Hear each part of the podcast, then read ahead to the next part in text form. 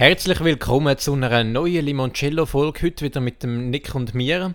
Der Jan ist heute leider. Oh, Obacht. Der Jan ist ja heute auch mal dabei. Ah ja. Okay.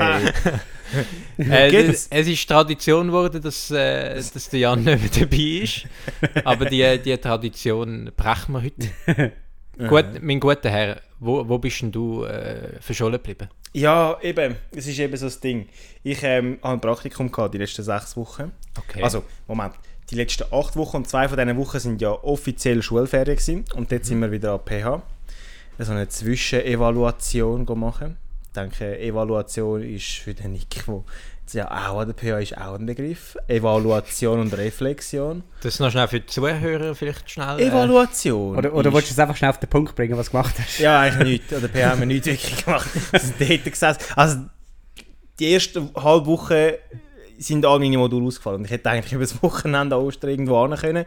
Weil, ja, also, ich bin auf der gesessen und habe nichts gemacht. Hätte ich noch jemand anderes können, nichts, nichts machen und rumsitzen. Und das ist der Grund, gewesen, wieso in letzter Zeit nicht mehr im Podcast dabei bist? Oh, Äh, ja, um die Zeit herum war ja gar nicht ein Podcast. Gewesen. Einfach Aha. in der Zeit, wo Podcast Aha, ist, ist entweder irgendetwas anderes schon gewesen, oder es war Praktikumsstress gewesen, oder es war anders los gewesen, oder es war das gewesen, und ja. Okay, aber wir freuen uns, dass du heute wieder da bist. Schön. Und hoffentlich mit ganz vielen Geschichten über dein Lehrertum.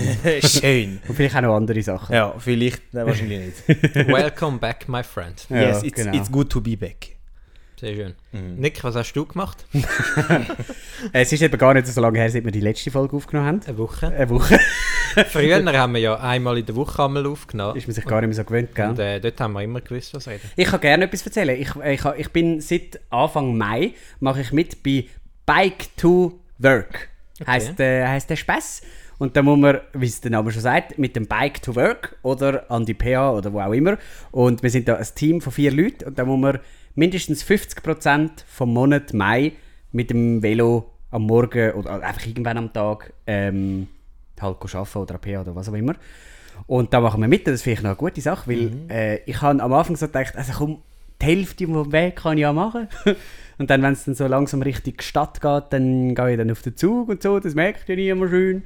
Äh, und ich mache wahrscheinlich genau 50 Prozent, so dass ich, dass ich das erreicht habe. Äh, mittlerweile muss ich sagen, sagen, es macht schon Spaß. ich habe eine Dreiviertelstunde Weg, das ist eigentlich noch okay. Am Morgen ist es geil, am Abend schießt es mir mit grauenhaft an, wieder heimzugehen. Ähm, aber ja, jetzt entdecke ich da plötzlich so Orte, wo, wo ich noch nie bin, aber so 20 Meter weiter rein fährt der Zug durch und dort fahre ich seit drei Jahren jeden Tag durch. Äh, und jetzt plötzlich lerne ich so neue Wege kennen, neue Orte in Zürich und rundherum, wo sehr, sehr lässig ist. Du bist schon richtig zum Stadtführer Ich in will, Zürich. ja, es macht, es macht Spaß Machst und mal, äh, machst mal eine hinter den Kulissentour mit uns. Ja, richtig. Und ich habe gemerkt, ich habe eine sehr schlechte Ausrüstung. Mein Velo hat weder Hinter- noch Vorderlampe. Äh. Ich kann nicht schalten. und, und mein Helm ist kaputt. Der Helm ist noch kaputt. Ja, der braucht einen. Äh, ja, und äh, das, das macht es ein bisschen schwieriger. Aber sonst muss ich sagen, ich bin top motiviert. Ich fahre jeden Tag mit dem Velo. Äh, Es macht Spaß und Mach, Laune. machst du etwas für, für dich selber, für, die, für Genau. deinen Körper auch. Ja, ich bin bis jetzt einen Tag nicht. Super. Du tust in dem Fall viel für, für Körper und Psyche, aber sehr wenig für, für, den, Für den Geist. Duft im Klassenzimmer. Und da mal klitschnass verschwitzt ist. Ja gut. Ähm, fährst, du also, noch, fährst du noch mit dem Velo in die Schule, wo du unterrichtest? nein, das war der eine Tag, wo ich dann eben nicht gegangen bin. so. ja, eben. Ähm, beziehungsweise zwei Tage, aber ich habe ein bisschen beschissen. Ich bin einfach ein paar Mal ums Quartier gefahren mit dem Velo. Gut, ist ja nicht äh, verboten, oder? Es Nein, ist nicht verboten. Du musst ja nicht Musst du immer... auf, musst du irgendwie auf eine Strecke kommen? Nö, weil sie sagen, äh, es könnte ja sein, dass Leute im Homeoffice sind und nachher musst du einfach halt ein bisschen mit dem Velo fahren. Und dann gehörst du Ja. schon dazu. Das ist herrlich. Also Macht kann ich Spass. eigentlich von mir daheim aufs Velo steigen, eine Minute Velo fahren und dann ist es schon erledigt für den Tag. Ja, theoretisch. Und ich habe es dir sogar mal vorgeschlagen und du hast gefunden, nein. Das hast du mir nie vorgeschlagen. Doch. Nein, Aber du musst doch-. Letzte Woche sind wir am Freitag zur Nacht Ja, aber das ist zu Zum spät zum Anfangen damit. Nö, Sicher schon. nö. Sicher Ich kenne. Leute, die jetzt noch anfangen, die müssen jetzt halt jeden Tag, aber gleich. Du musst doch eine gewisse Anzahl Zeit abfahren, oder nicht? Der, der Jan ist einer, der gerne Ausreden sucht, ich merke es doch. Ich habe gerade eine Frage ja. gestellt. Ähm, nein, habe gar nicht mitbekommen. Du musst doch eine gewisse A Anzahl Zeit fahren. Nein. Nein, nein, nein, nein, du kannst auch ein paar Minuten. Jeden Tag eine Minute. Also ich habe es jetzt noch nie ausprobiert, ob nach einer Minute schon zählt. Aha. Aber ich, ich, es steht nie jetzt irgendwie etwas im Reglement. Aber wie trackt dich das? Du hast gesagt, du hast eine App und das trackt dich. Jo, Was genau trackt denn das, wie lange das du fährst? wie lange das du fährst und wie viele Kilometer das du in dieser Zeit gemacht hast. Tut dich das würde mit dem nicht. GPS verso- äh, verfolgen? Jo. Oder? Aha, Das okay. würde ich auch nicht checken, wenn du Auto fährst. Nein, weiß nicht. Also, es, es hat so Leute gehabt, der PA, die das äh, im äh, April uns sind go pitchen gekommen. Und die haben gesagt, gehabt, also wenn ihr wollt beschissen, dann könnt ihr auch beschissen. Man merkt es nicht, aber es ist halt doof. So. Ja, für die anderen, von der ehrlich machen. PH, die App, oder was? Nein, das machen, das machen sie auch bei uns in der Schule. Ist die einfach damit man weniger Auto fährt? Ich glaube, ja. Klima, so Ja, eine. Klima-App, oder? Ja, es macht einfach auch Spaß. Ja, ja, sehr geil. Ja, so viel da dazu. Spannend. Ich fahre jeden Tag mit dem Velo am Bahnhof. Das lange. Ich bin, Hättest äh, dementsprechend auch können mitmachen Mhm, hätte ich können. Keine Lust. ich bin dafür, letztens äh, bin ich total... schluckt sich an seiner heißen Schocke. Jo. Ist ein bisschen gefährlich, wenn der Nick sich verschluckt, weil äh, er huscht das Ganze über meinem schönen Sofa aus. ähm, ich bin ja Kunst interessiert. Mhm. Oh. Ah, ist das jetzt etwas Neues? Das ist jetzt eine neue Geschichte. Nach dem weil, äh, Wein und allem bist du jetzt plötzlich bei der Kunst gelandet. Nach den Vögeln. Ich habe Nach der gedacht, Vögel, genau. ich, denk, ich hab gedacht, ich stecke mal äh, mein Köpfchen in, in die Sammlung Rosengarten rein. Hallo, geht. Das ist so eine, ein Kunstmuseum in Luzern. Mhm. Das ist wie das Kunsthaus Zürich halt einfach in Luzern. und dort gibt es so ganz viele Picasso-Gemälde und so. Und dann habe ich mal am Tag keine Zeit gehabt. Und dann habe ich mir so eine, so eine Führung gebucht. Also dort sind dann auch ganz viele andere Leute dabei gewesen. Also, wo du kennt hast. Nein, nein, nein, einfach Aha. fremde Leute. So, Es ja. hat einfach irgendwie 7 Franken extra gekostet oder so. Uh, ja. Zum Eintritt. Ein stolzer Preis. Ja, ich habe gedacht, man muss sich auch mal etwas gönnen. Und ich, han, ich bin dann so bei einer Führung habe ich teilgenommen und die hat dann erzählt über jedes Bild und so. Also nicht jedes Bild, Mhm. aber dort hängt halt sehr viel von Picasso und von Paul Klee. Gibt es auch Also, Leute, ja. die wo, wo dort ausgestellt sind, die man kennt? Oder einfach jetzt so No Names? Ja, ähm, ich glaube, äh, ja. Heißt nicht, was du so für Bilder anschaust. Tim und Strupp ist jetzt nicht gewesen. ähm, genau, Ja, dann Picasso hat sie ein bisschen ja. erzählt und äh, so Hintergründe erzählt. Und das finde ich, find ich viel spannender. Also wenn man einfach so schauen. ich habe es mega spannend gefunden. Also ich Mhm. muss sagen, die nehmen sich auch so ein bisschen teilweise zu wichtig, die, also die ganzen Maler. Zum Beispiel hat sie gesagt beim Picasso, ja, da hat er seine Blauphase gehabt. Und ich dachte, ja gut. ähm, äh, ja. Aber hey, das ist krass, der, der Picasso hat mit 14 so krass können zeichnen. Äh, man denkt immer so, ja, so abstrakte Kunst, der kann gar nicht gut zeichnen. Aber als, eben als Kind hat er relativ, also als Kind, als Jugendlicher hat er eigentlich noch recht realistisch gezeichnet. Die hat uns ein Bild gezeigt Es von ist- einem, von einem Fuß, den er gezeichnet hat mit 14. Das ist also, Es ist ja eigentlich, je, je älter als er wurde, ist, desto abstrakter ist er seine Kunst geworden, Mhm. mit mehr Ecken und so.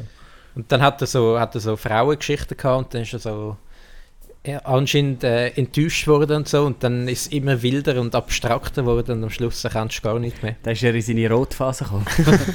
Seine Rotfasse. es gibt so ein Bild, wo, wo so eine Frau mit einem Hund kämpft und da hat das ist äh, seine Ex-Frau.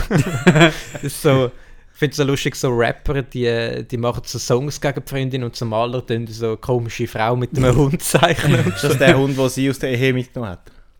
Ja, Das weiß ich gar nicht. Aber man sagt, all seine alten Freundinnen sind so depressiv geworden. Wegen ihm. Und dann, wegen ihm anscheinend. ähm, und dann hat er, hat er auch ein Bild, so eine, wo so ganz so trüb geschaut hat. So. die, der, hat- der hat so die Frauen fertig gemacht nach diesen Bildern und so. Habe ich noch spannend gefunden. Und Das es hat, erinnert ein bisschen an Johnny Depp und Amber Heard. Plötzlich der Johnny Depp so das Gemälde auf- auflupft und sagt, ja, das hat sie mir aber gezeichnet. äh, die ist etwa eineinhalb Stunden gegangen, die Führung. Und dann hat es noch so eine gehabt, wo einfach auf einem Bänkchen gesessen ist und so Bilder angeschaut hat. Und so sich Notizen in sein Büchlein gemacht hat. Mhm. Und die, die Führung ist bis um 12, nein, bis um 1 oder so gegangen. 12 bis 1, irgendwie so. Und dann bin ich heim zum Mittagessen und bin dann nachher nochmal ins Museum gegangen, weil ich noch selber habe Bilder anschauen, die ich noch nicht gesehen habe. Mhm. Da ist der immer noch, immer noch in dem hohen Museum und der, der ist etwa eine Stunde vor, vor einem Bild gestanden und hat sich Notizen ins Büchlein gemacht. Das ist doch mega interessant, wenn man das so schätzen kann Mhm. und so, so viel aus, aus der Kunst rauslesen. Aber mich hat's, also der hat eben so grimmig geschaut immer. Und mich hat es aber mega Wunder genommen, was der macht. Und ich wollte ihn eigentlich fragen, aber ich habe mich nicht getraut. und dann das äh, bereue ich, dass ich nicht gefragt habe, weil mhm. ich habe gedacht, ja, nachher ist er dann hässig und so, weil der hat so grimmig geschaut. Ich habe es mir eigentlich vorgenommen, dass ich beim, wenn ich ihn auf dem Außenweg noch gesehen dann frage ich ihn. Mhm. Dann bin ich froh gewesen, habe ich nicht noch ja, Das hat mich Wunder genommen. Ja, das ist spannend. Ja, spannend mhm. gefunden. Und das Gefühl liest man manchmal nicht auch ein bisschen zu viel in so Gemälde rein. Ja, also gerade so, das Gefühl. dass man einfach dann so, ah, im einen Bild hat er das vielleicht so gedacht, vielleicht ist das in diesem Bild auch so, sondern dass jemand einfach mal etwas malt und dann findet, ah, das könnte jetzt noch das heißen, ah, easy, und heute, 200 Jahre später, tut man jeden Pinselstrich so ein bisschen ja, gut, aber ich glaube schon, also jetzt auch in Büchern und so gibt es das ja auch häufig, dass man so in, in, in der Sek oder, oder FMS oder Gimmi oder was auch immer, haben wir ja eine Zeit lang immer müssen so Bücher analysieren mhm. und nachher so all das, wo der sich wahrscheinlich hätte können gedacht haben und so. Mhm. So bei gewissen Sachen denke ich mir dann, nein, ist wahrscheinlich jetzt nicht, wahrscheinlich nicht Overkill, seine, ja. ja. genau. Aber vieles ist ja, äh, nehme ich jetzt auch schon überlegt, gerade wenn du die Biografie kennst von dieser Person und so, ja, dann kannst du vieles verknüpfen und denken, ob jetzt bewusst oder unterbewusst, kommt das wahrscheinlich zum Teil dann schon ja. von, von euch her. Ich habe aber nicht, einfach nicht das Gefühl, dass ein Maler einfach so ich kann mir sich nicht vorstellen, so konzentriert vor dem, vor dem Bildschirm zu sagen, hm, wie mache ich jetzt den Zentimeter genau, wie viel Orange muss ich jetzt drin mischen, dass es Glaubst genau nicht? Ich habe das Gefühl, der macht doch einfach einmal, nicht? Nein, teilweise entdeckst du schon, wenn du ein Bild länger anschaust, merkst du plötzlich, ah, okay, dort hat er noch so Details eingebaut, die mhm. wo dir gar nicht aufgefallen sind und so. Aber ja, schon klar Details, aber ich frage mich dann, hat er das Detail extra genau an dem Zentimeter platziert oder hat er einfach gesagt, na, ich mache mal da noch einen Vogel und ich mache da mal noch ein Blümchen, das so aussieht. Ich, ich glaube, da gibt es beides. Das unterscheidet doch wahrscheinlich Kunst, die bekannt ist von eher unbekannter Kunst. So Kunst, die ja. bekannt ist, ist doch häufig das, wo mega viel hindurch auch gedacht ist. Und, und es gibt, gibt aber auch Impressionismus. Das ist ja einfach das, was man gerade sieht, das zeichnet man, also malt man sozusagen ab. Ja. Und dann gibt es ja noch so abstrakte, also es gibt ja mega viele verschiedene Richtungen. Mhm. Und Impressionisten, die, ich würde jetzt nicht sagen, dass die jetzt da jeden Schritt einzeln überlegen, sondern ich habe es ist eben, wie gesagt, sicher eine Mischung aus bewusst und unbewusst, aber all die Sachen, die da analysiert werden, bezweifle ich, dass alles, was da die, in diesen Führungen erzählt, dass alles wirklich bewusste Entscheidungen sind. Das bezweifle ich einfach ein bisschen. Ja. Also weißt du, 100%, vielleicht so 70, 60%. Voll. Und dass viele Sachen unterbewusst sind und dass wir einfach das Gefühl haben, ja, das hat er extra gemacht. Aber ja gut, ja. ja. Wir Menschen haben es ja eh noch gern so ein bisschen alles in einem größeren Kontext gesehen und alles irgendwie muss einen Sinn haben. Ja. Also zum Beispiel so Filmtheorien, wenn man irgendwie so, keine Ahnung, Star Wars oder Marvel-Theorien schaut oder so und Fans dann das Gefühl haben, jeder kleine Furz, der irgendwann einmal irgendjemand in irgendeiner Serie oder Film gemacht hat, ist schon immer Plan gewesen, dass, dass das dann mit dem und dem und dem verknüpft ist, was 17 Jahre später ist, dann ist es zum Teil einfach Zufall oder, oder, oder nichts. konstruiert halt nachher drum. Ja, oder genau, oder einfach ein Filmfehler auch. ähm, ja, von dem her wahrscheinlich alles schon nicht, aber ich kann mir gut vorstellen, dass es dass die Kunst nicht einfach mal, ich meine, das ist ja auch nicht so ein Werk, das du dann mal schnell in drei Minuten machst, da musst du ja, da bist ja, ja mal teilweise eben schon. Ja. ja ich habe Picasso jetzt noch nie über die Schulter geschaut. Ja, gut. Ja, haben Sie dann den neuen Obi-Wan Kenobi-Trailer gesehen? ja. Wenn wir schon bei Star Wars sind. Und im Kunstmuseum sind Sie dort schon mal gesehen, im Neuen? Nein, ja. leider. Am Mittwoch soll es ja mal gratis sein, habe ich gehört. Ah ja? Ja. Na, dann gehen wir mal. Ja, ich bin dabei. Aber äh, ich bin noch nie dort. Also, hm. seit es neu anscheinend ist. Also meinst du das Kunsthaus, oder? Ja. Ja. Habe ich gesagt. Kunstmuseum. Ah. Ja. Bis okay. letztes Mal vor etwa 10 Jahren oder so war im Landesmuseum letztens. Ja. Ah. Die haben ein sehr gutes Angebot für Lehrpersonen. Ja, haben sie uns auch gezeigt. Haben sie uns auch gezeigt. Uns auch gezeigt. Uh, da hat's, meine Dozentin war mega, mega enttäuscht von, also nicht von unserer Gruppe, aber von einer anderen, weil äh, das, Kunst, äh, das Landesmuseum hat extra zwei Stunden vorher aufgemacht, damit eine ganze PH-Klasse vorbeigehen kann. Also das heisst, sie haben aufgemacht, wo noch überhaupt keine anderen Gäste rum sind und so extra für uns. Nachher sind drei Studenten gekommen. drei Studenten du bist einer von denen gewesen? Nein, nein, eben bei unserer Gruppe sind all, fast alle rum gewesen, aber bei Aha. den anderen Gruppen nicht. Und was, was bietet die denn an? Die bieten, äh, die bieten so Lehrmittel an und so, wo, wo man kann so um den Besuch herum noch so ein bisschen Vor- und Nachbearbeiten. Genau. Und man kommt als Klasse gratis rein und als Lehrperson auch. Und als Lehrperson, wenn du im Voraus schon mal willst, schauen willst, kommst du auch gratis rein. Und sie zeigt dir auch Sachen, die man kannst durchführen und so. Ja. Würde ich jetzt auch nicht gehen. Zum Lehrmittel anschauen. ja, nein, also das bekommst du dann halt so mit deiner Klasse im Voraus. Also sie, ze sie zeigen dann, also mit uns, wo wir mit der PA sind, haben sie nicht die Lehrmittel gezeigt, sondern einfach gesagt, sie haben Angebot für den Unterricht, um den Besuch vor- und nachbereiten, aber nicht also ja, das verstehe ich unter Lehrmittel. Ja, ja, aber sie haben uns, eben ja, aber sie haben uns nicht das Lehrmittel erklärt, wie es genau aufgebaut ist, sie haben einfach gesagt, sie haben es. Und sie haben wie verschiedene Sachen uns gezeigt, die zu verschiedenen Führungen gehören. Mhm. Ähm, geil gewesen. Mhm. Das ist wirklich noch ein cooles Angebot. Ganz eine spannende Sache. Yes. Also hat ja. das dann mit Kunst zu tun, oder? Einfach Lehrmittel allgemein? Nein, das hat mit dem Zeug zu tun, was dort drinnen ausgestellt ist. Das sind so historische Themen erinnern. Bei, wo wir sind, ist zum Beispiel ähm, Gleichstellung von Mann und Frau das Thema gewesen. Ah, die haben immer bestimmte Themen dann. Ja. Dort, so. ja. ja. ich weiß gar nicht, ob ich dort schon mal Ding bin. Das ist gerade beim HB. Ach so. Das ist das, das coole ältere Gebäude, wo ja auf alt gemacht wurde, was gebaut worden ist. Es ist nämlich, hat äh, so ein bisschen Zeit von Oh, jetzt habe ich keine Ahnung. äh, anscheinend den Baustil haben sie genommen, obwohl der 300, 400 Jahre älter ist, als das Haus gebaut wurde. Ah, echt? Ja. Crazy. Und habt ihr gewusst, etwas völlig anderes?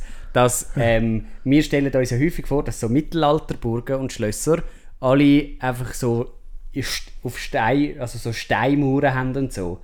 Dabei haben die meisten Schlösser und Burger weiße Wände gehabt. Die haben so mhm. weißen Putz, oder wie das heisst, gehabt mhm. wo halt zum Teil halt wieder abgehakt ist über die Jahre und so. Aber man stellt sich das immer so vor, dass alles so, so steinig ist. Dabei ist, haben sie fast nur weiße Wände gehabt. Ja, das habe ich gelernt.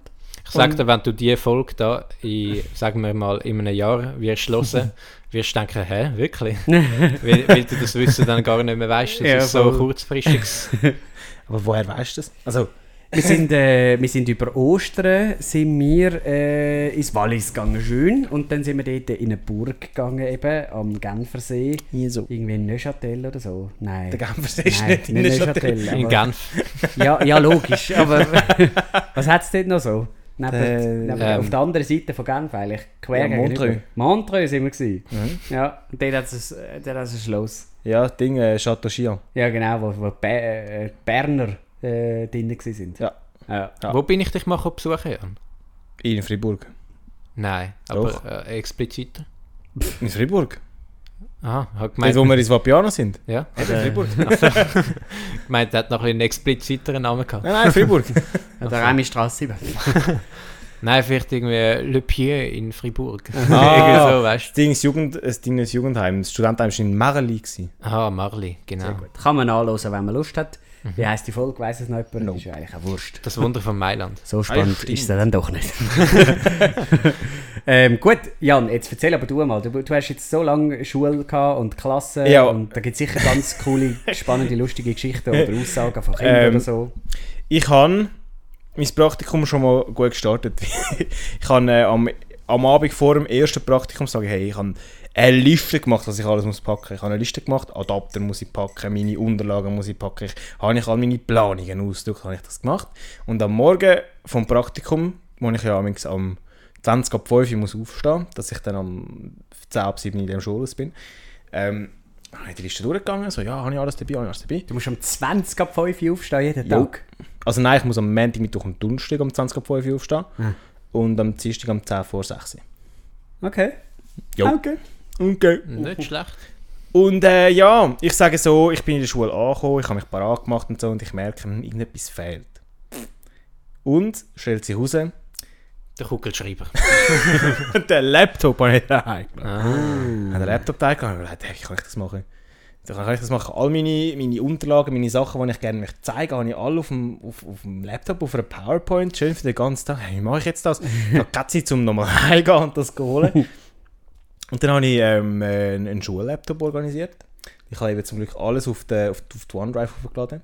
Mhm. Und dann habe ich gedacht, ja, easy. Und dann habe ich die PowerPoint abgeladen, die, die für den ganzen Tag war. Und dann sind die Schüler reingekommen, grüezi Reinhard. Und dann äh, habe ich das gezeigt. Und dann äh, hat es das ganze Layout durcheinander von der PowerPoint. Gesagt, ja, äh, dann bist du genau auch so ein Lehrer, der sagt, ja, die Techniker. oh ja, stimmt. Ja, wie geht dieses PowerPoint? Ah, ist, ist ein schwieriges Programm. Das Kann mir irgendjemand helfen, wo kurz... Äh... Ich habe dann gesagt, das ist ein, ist ein Stillmittel, es muss so aussehen. Und äh, ich habe es nicht jetzt eine Pause schnell geflickt. Aber Ja. es ist äh, in dem Moment so der erste Eindruck vom Praktikum ist sehr stressig gewesen. Ah, das ist am ersten Tag. Das war am eh- allerersten Tag. gewesen. Oh, wieso haben sie den Namen dort schon gewusst, dass sie Ich habe eine Tafel geschrieben. Aha.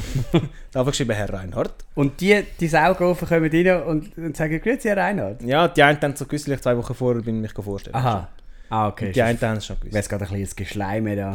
Nein, es sind Trittsichler, die schleimen nicht mehr. Okay. Ähm, ja, das ist der erste Tag. Äh, alles in allem äh, sind es bis jetzt ein paar stressige Wochen gewesen, aber ich bin gerne dort gewesen. Das ist jetzt noch eine Woche. Und Das sagst du jetzt einfach, weil es ein Podcast ist. Nein, ich bin wirklich gerne dort gewesen. Und wenn die Folge draußen ist, habe ich meine letzte Lektion schon gehabt. Das heisst, wenn die Folge draußen ist, also je nachdem, wenn sie am 8. Donnerstag. rauskommt, habe ich meine Lektion gehabt. Mhm. Genau. Und dann ist es fertig. Ja, dann ist... Äh, fühlt sich's an? Es ist ja noch nicht fertig, wie soll ich sagen? Ah ja, genau. Das wissen ja die Zuhörer nicht. ja. Äh, ich bin sicher, zum einen froh, habe ich es fertig gemacht. Es hat nämlich ein paar gegeben, die es abgebrochen haben. Freust du dich auf Was, Geschenke, die du bekommst von? Was ein paar Lehrer haben abgebrochen. Nein? Studenten. Hä? Ah, schon? Also Im jetzt? Praktikum? Mhm. Also jetzt? Ist nicht stressig geworden. Wieso? Die, ihr habt doch schon vorher immer Praktikas gehabt. Ja, aber es ist eben, du bist allein und es kommen verschiedene Leute dich besuchen und du kommst wirklich ausführliches Feedback über. Verschiedene Leute kommen dich besuchen. Ja, Didaktiker kommen, die Mentorin kommt, Ich denke, dein Vater ist noch vorbeigekommen. Der Onkel. noch- Onkel Balz. Der Weihnachtsmann. ähm, aber dem, dem Fall das ganze Studium abgebrochen. Nein, nein, einfach ähm, das Praktikum. Aha, das darf. Aha. Ja. Kann man sagen, Du kannst zweimal, du kannst wie einmal die Chance, um es mal machen. mehr. Also, Und nachher bist du irgendwie gesperrt, frag mich nicht. okay. Ich keine Ahnung, es funktioniert wieder, ich mache es ja fertig. ja, und äh, was ich mir jetzt überlegt habe, ich habe mir ein lustiges Spiel ausgedacht. Ah. Und zwar ähm, muss ich jetzt mein Handy für nehmen. Ich habe gedacht, anstatt dass ich da euch einfach Geschichte um Geschichte um Geschichte um die Ohren rühre, weil es sind einige Sachen passiert, habe ich ein paar Aussagen von Kindern zusammengestellt. Und was ich jetzt mache, ich, ich erzähle euch, ich sage euch die Aussagen. Und eure Aufgabe ist es herauszufinden, hat es die Aussage wirklich gegeben?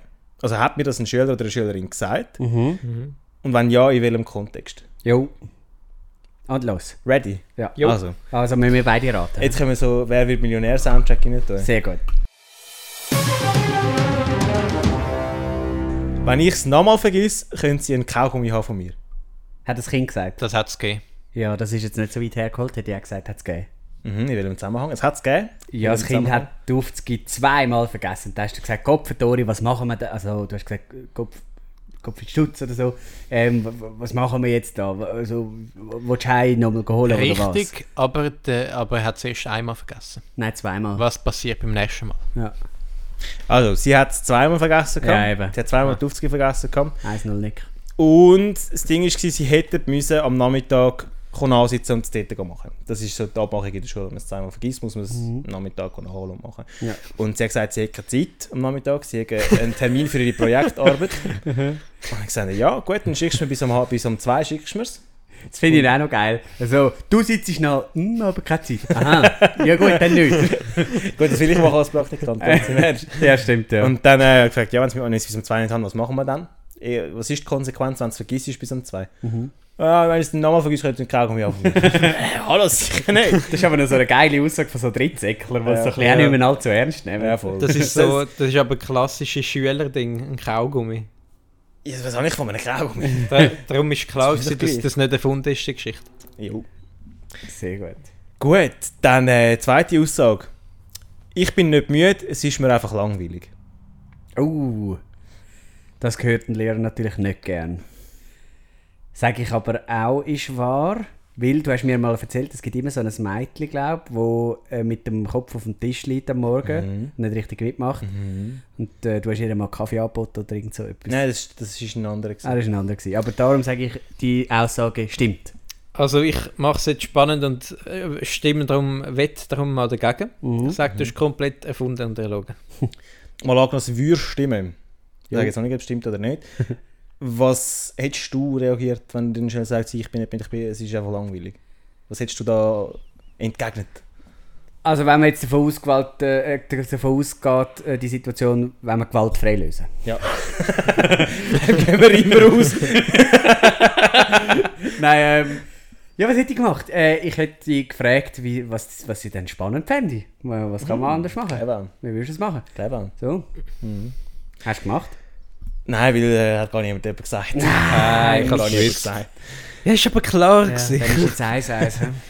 2-1 für mich. Nö, Ja, ich habe vorher ja schon richtig gehabt. Ich habe vorhin das gleiche wie du gesagt. Hä, nein.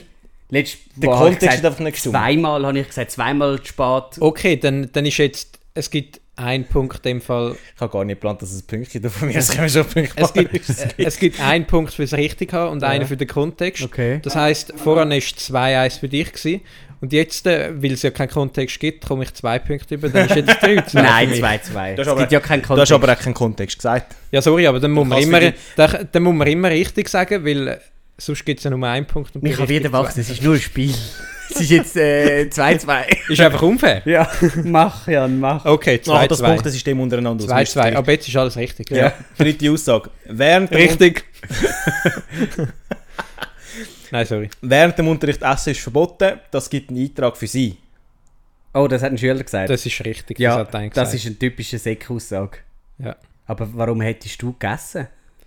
Hast du einen Ketchup noch drin Ein, gehabt? ein Lehrer darf Bananen essen. Die Jan hat eine Banane gegessen. Bananen essen!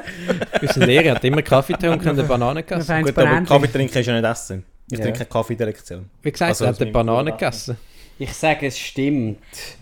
Der Kontext ist halt, ja, keine Ahnung, du hast keine Zeit in der Pause, weil irgendwie ein PowerPoint hat sich verschoben oder was auch immer und dann hast du noch schnell ein Brötchen fertig gegessen. Ich sage, der Jan hat sich eine Handvoll Nüsse gegönnt, weil er wieder voll im Fitnessmodus ist. Also es stimmt, das hat ein Schüler gesagt. yes. Aber nicht während der Lektion von mir. Ah, Sondern ich bin halt am Nachmittag, wenn ich frei habe am Nachmittag, bin ich in der Schule am Kopieren und so, im Lehrerzimmer. ja. Und dann bin ich halt am Nachmittag ins Schulzimmer hochgelaufen, zum die Kopien anlegen und zum Wandtafeln anmalen, mit dem Ablauf und so beschriften für den nächsten Tag. Mit einem Äpfel halt. Ah. Ja, mit Äpfel. Wie ein Lehrer halt macht. Genau. Und Dann läuft mir ein Schüler der entgegen. Dann läuft mir ein Schüler von meiner Klasse entgegen und sagt, er, Sie aber während dem Unterricht essen ist verboten. So, hä, ich habe gar keinen Unterricht. Egal, es gibt einen Eintrag für Sie. Wow. Das erinnert mich gerade an etwas. Ähm, meine, ich habe ja im Moment die erste Klasse und die dürfen während, äh, während der Lektion nicht trinken, sondern nur in den Pausen halt. Sie haben so Becher. Ja, weil sonst stehen die einfach irgendwann auf und gehen dann mal trinken und laufen ein bisschen rum und so. Darum ist das irgendwie nicht erlebt. Ähm, und ich selber habe aber so eine grosse Wasserflasche halt. Ähm, und dann habe ich mal... habe ich mal einen Schluck Wasser getrunken gehabt, und da hat irgendein Mädchen also gesagt, sie, aber sie dürfen nicht Wasser trinken. und dann habe ich gesagt, hä, habe ich ja gar nicht. Dann hat sie gesagt, hä, mal, ich habe sie gerade gesehen mit der grossen Flasche. Ich habe gesagt, hä, das ist keine grosse Flasche. dann hat das Kind so mega so rumgeschaut, so, hä? dann, dann das sind sicher so mega, Kind so mega unsicher gewesen. Dann hat so ein anderes Kind so aufgeschreckt und gesagt, sie, aber da hat es doch eine. dann hat er gesagt, äh, ist nicht mir, weiß nicht. dann habe ich einfach weitergemacht. Sie waren, glaube ich, mega verwirrt. Gewesen. Das, aber das die ist eben der Unterschied von der ersten Sek zu der, äh, von, von der ersten Klasse zu der Sek. Wenn ich das würde machen in der würde ich sagen, ja okay, haha, mega lustig. Ja, voll. Und bin ich so, Ja, die, das steht die Welt so schnell Dort ist es mehr. mega lustig, weil die Ironie nicht checken. Ja, voll. Ja, das ist eh, die, die brauchen mega so ihre, ihre klaren Richtlinien und so. Also meine Partnerin, also wir sind ja immer das Zweite, wenn wir am Unterrichten sind. Jo. Mal hat sie Lektion, mal ich. Und dann so zweimal hintereinander hat sie zuerst unterrichtet und dann ich. Äh, und dann in der dritten Woche bin ich zuerst gewesen. Und dann ähm, sind die Kinder völlig baff gewesen. Dann haben sie mich so gefragt, so, «Hey, Sie, hat jetzt aber nicht gefragt, so, wieso äh, Schuschamik zuerst?» Ich habe gesagt, «Ja, äh, ja, schon, jetzt haben wir es umgekehrt.» Dann hat das Kind so gemacht, Ich finde es immer so geil, wenn du Kindernamen hast. Es hat in einer Klasse, wo ich mal eine Stellvertretung gemacht habe, hat es einen Schüler, der sagt auch die ganze Zeit, sie, hä? Und er hat immer so, hä? Taucht zuerst ab und fliegt nachher durch die Luft mit seinem Hä. «Ja, Hä? Klassiker.» Und nachher bei der Parallelklasse nachher hat das auch ein Schüler gesagt, aber sie, hä? Ich gesagt, hä? Ich meine, der ist in der anderen Klasse. sie wer? Das wissen sie nicht, der sagt das die ganze Zeit.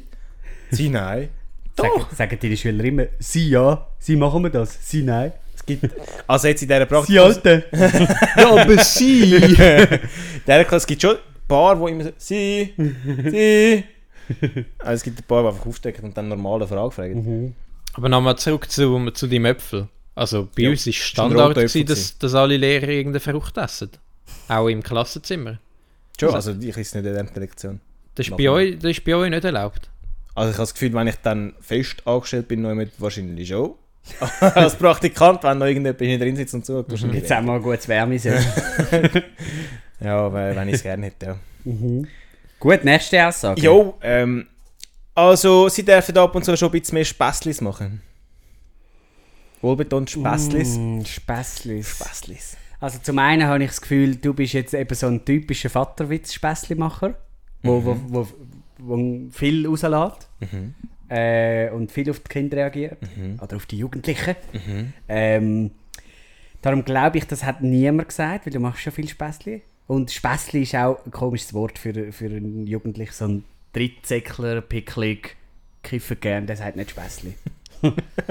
Äh, ich sage auch, stimmt nicht. Also es hat es niemand zu mir gesagt, darum stimmt es nicht, aber zu einer Studentenkollegin im gleichen Schulhaus hat es jemand ins Feedback geschrieben.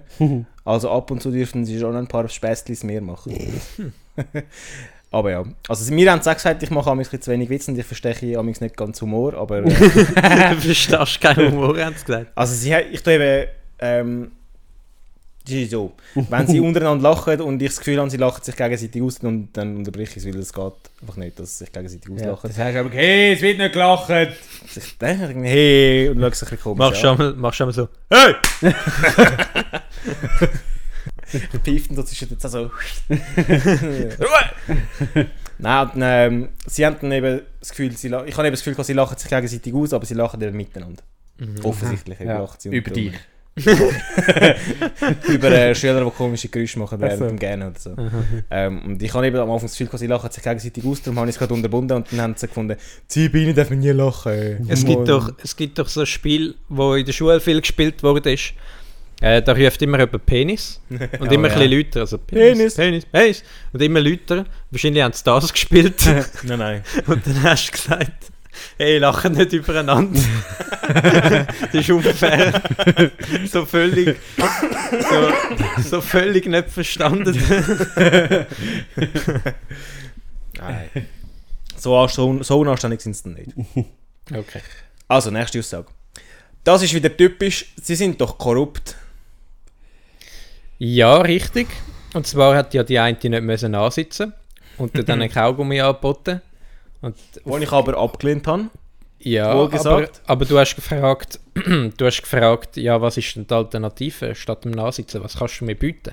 Das wäre ein Eintrag gewesen. Und, und äh, äh, dann halt einen Eintrag. Und der andere hat eben eine Woche vorher einen Eintrag bekommen. Und dann hat er gedacht, ja, und sie wieder nicht. Das ist ja wieder typisch. Ja, ich halte da dagegen. Ich glaube, es, es könnte gut sein, natürlich. Es wäre ein witziger Spruch von einem Kind. Aber ich tue mich schwer mit dem Wörtchen korrupt. Ich weiß nicht, ob so ein pickliger Drittsäckler, der gerne kifft, auch korrupt sein. es Ja. sind nicht alle picklig und es kiffen, glaube ich, auch nicht alle gerne. ja, das, ist- das Also, Ja, ich das habe jetzt noch Wort nie bei kennt über man. Ja gut. Darum äh, kann ich es nicht sagen. Aber ich, ich gehe schwer davon aus, dass nicht Da habe ich ein. Näschen dafür. aber Das sehe ich sofort, wenn ein Erstklässler bei mir gekifft hat. so ein kleiner Pfudi Ja. mit einer Lunte zwischen den Zähnen. Der- jetzt ein Weber. Ah, hoi, ein Weber. Ja, du. Wir haben dem ersten schon müssen abgewöhnen Snoozen. Schon? Nein! Das wäre witzig. Du. Bei Snus ist aber noch schwierig. Kannst du nie sagen, hat jetzt einer einen Snus drin oder nicht? Kannst du Ausser sagen, ihn- tut die Lippen hoch? Nein. Also schon kannst du sagen. kannst du fragen, ob er eine Bauernfamilie hat. Wenn, wenn er eine hat, dann kannst du davon ausgehen, dass er Nein, du, du siehst es ja gar nicht, wenn einer am Snusen wäre. Haben sie das, das Zeug da oben drin. Eben kannst Ja. du sagen, tu deine Lippen hoch. Hä, wieso, wenn ich es gar nicht sehe, ob er etwas hat oder nicht? Ja, dann nicht. Ich habe ja nicht mal die Vermutung, ob er etwas hat, aber es, eben, das ist eigentlich Aber nur... wenn du Vermutung hast, kannst du sagen. Mhm. Ja, könnte. Also, der Satz hat tatsächlich jemand gesagt. Eben, eben. Zwar während einem, während einem Hockeyspiel im Französisch. Also das Wandtafelfußball, wenn du das Wort richtig hast, wandert der Magnet halt links oder rechts. Ja, das ist ein cooles Spiel. Das und cool. dann ähm, äh, habe ich behauptet, die eine sei schneller als der andere. Und dann hat der behauptet, ah, sie stimmt doch nicht, die sind doch korrupt. Ja, wie möchte ich Fußball? dann hat er weitergebracht, aber sie ist gar nicht richtig, gewesen, was sie gesagt hat. Ich so, willst du am Boden liegen und dich am Boden drehen wieder nehmen, dann ist es ganz richtig. Das ist noch ein guter, guter Konter. Hat er witzig gefunden dann? Ja, hat er witzig gefunden. Aber ich habe leider keine Gare und keine rote Karte dabei gehabt. Das hätte ich die auch noch ausgepackt.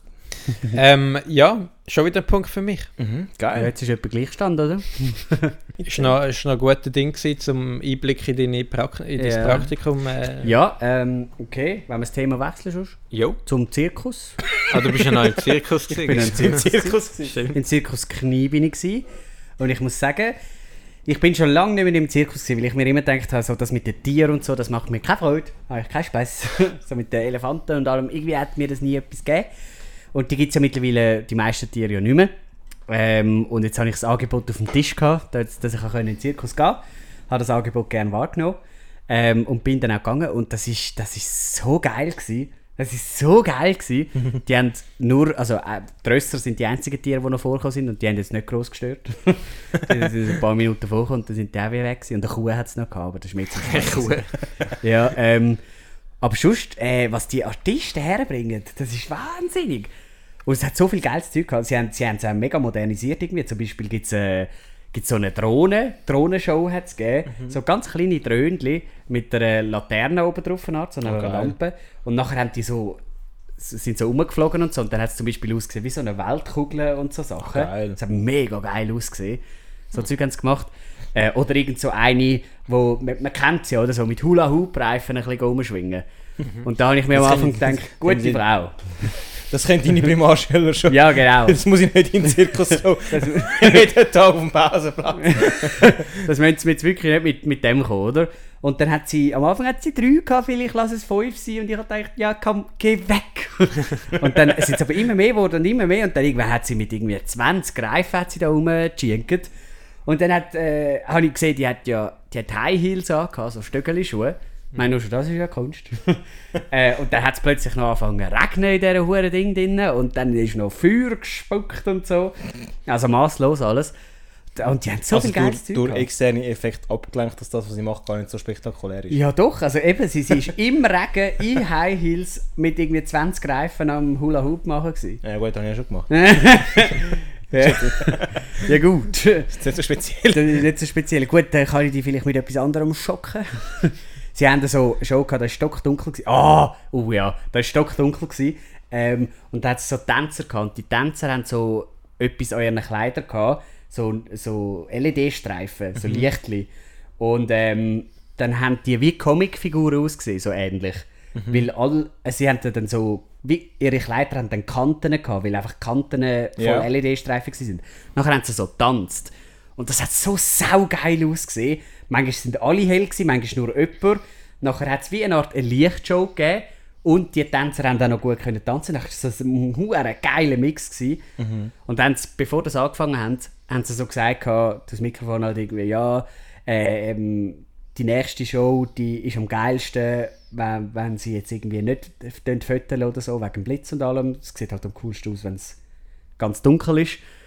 Und da hat es tatsächlich also dämliche, ich weiß nicht, 40, 50-jährige Tante Monis gehabt, wo, wo dann währenddessen gefunden haben, oh mal, oh, das muss ich filmen, das ist Ist so nicht generell verboten, zum im Zirkus zu filmen? Ja, aber dort hat es ja dann auch etwas ausgemacht, weil es alle gestört hat. Und nachher haben die angefangen zu filmen. Und natürlich mit Blitzlicht. Dann hast du aus, aus dem Publikum irgendwie fünf, sechs, sieben verschiedene Blitzlichter gesehen, die dann irgendwelche Leute gefilmt haben. Und ich gedacht, also das ist jetzt wirklich... Ah!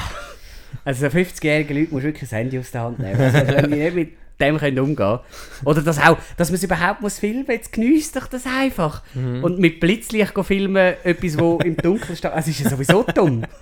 Das ist auf ganzer Linie sind Oh, dumme Leute gewesen. Dumme ich Leute, dumme Leute. Uh, das hat mich richtig aufgeregt. Da bin ich hässig geworden. Ich bin wirklich hässig. Ich bin selten hässig, da bin ich hässig geworden. Selten hässig. Ich bin auch schon länger nicht mehr hässig. Ich würde auch gerne wieder mal in den Zirkus. Ich wäre auch gerne wieder mal hässig Ich bin richtig, richtig klein gewesen, als ich das letzte Mal gegangen, also gegangen bin. Was hast denn du gemacht in letzter Zeit? Ist ein Zirkus gegangen? Ich bin in, äh, ich bin in Athen gewesen, aber das habe ich schon erzählt. Ja, das hast du schon erzählt. Ja, ist äh, Seit Schnee von gestern. Auch schon wieder eine Woche rum. Mhm. Überleg dir etwas Neues. Kannst du nicht mehr mit der gleichen Geschichte auftanzen?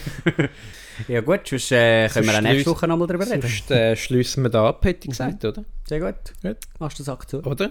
Ja. Oder? Ja. Du bist Also. der Meister. Dann wünsche ich euch ganz eine gute Woche, ganz eine schöne Fahrt ins Geschäft oder wo auch immer ihr das hört. Bewertet uns mit 5 Sternen auf Spotify und ganz eine gute Woche. Jo.